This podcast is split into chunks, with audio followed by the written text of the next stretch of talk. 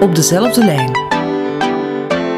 Een podcast met verhalen over zorgen die ouders en school delen. GoGo promoot de verbindende communicatie tussen ouders, school en kind. Om verbindend te kunnen samenwerken is het belangrijk om je in te leven in de ander. Dit is de eerste stap om elkaar beter te begrijpen. Luister naar deze podcast, leef je in en verruim je blik.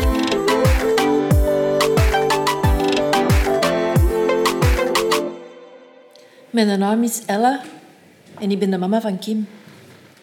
Ons Kim zit in het vijfde leerjaar en is tien jaar. Vanavond is de hemel op mijn kop gevallen.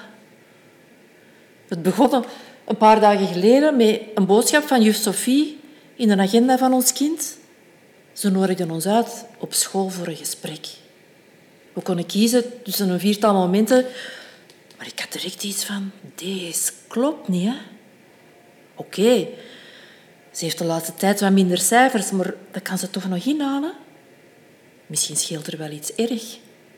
Of moet ze blijven zitten? De Mark, mijn man, die stelde zich er weinig vragen bij. Hij kan dat gemakkelijk van zijn eigen afzetten, maar ik was in paniek. Betant dat de juf niet liet weten waarover dat gaat, hè, want dan kon ik mij al wat voorbereiden en Kim beter verdedigen of zo.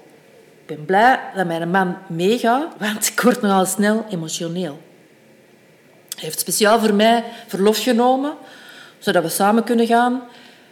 De juf liet ons dan binnen en ze begint toch wel over de rommel in haar klas en over het feit dat Kim bijna verjaard. Ik ontplofte van ongeduld. En toen kwam het eruit. Dat we zeker wel gezien hebben dat haar punten echt niet goed zijn en wat wij daarvan vinden. Geen idee, hè? Ik dacht dat zij het ons nu eindelijk ging vertellen. Uiteindelijk vroeg ik of ons Kim moet blijven zitten. En de juf zei dat dit een mogelijke piste is. Volgens de juf en de zorgjuf zou het beter zijn voor Kim. Dan heeft ze een extra jaartje tijd om rustig aan terug bij te werken en kan ze het jaar nadien uit zes leerjaar. Ik kon niks niet meer zeggen.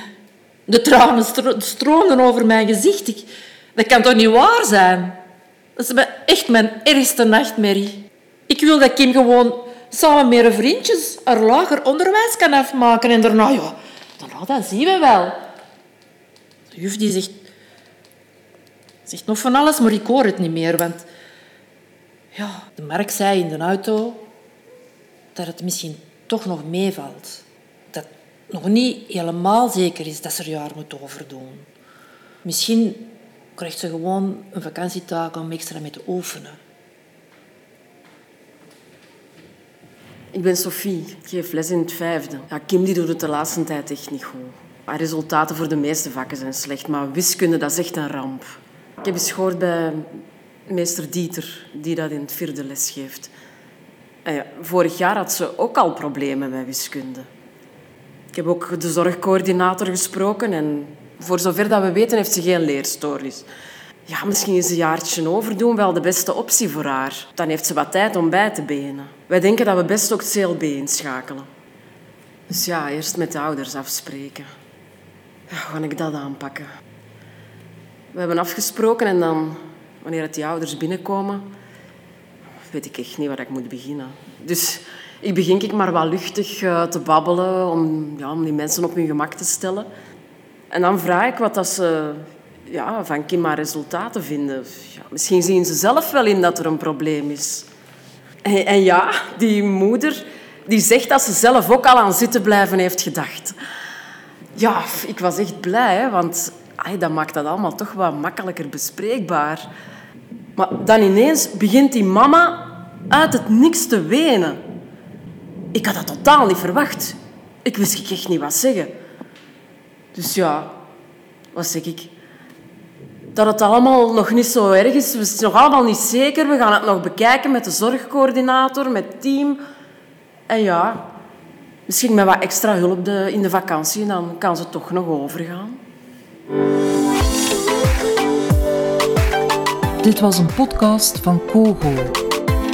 koepel van ouderverenigingen van het officieel gesubsidieerd onderwijs. Luister ook naar mijn verhaal op kogo.be.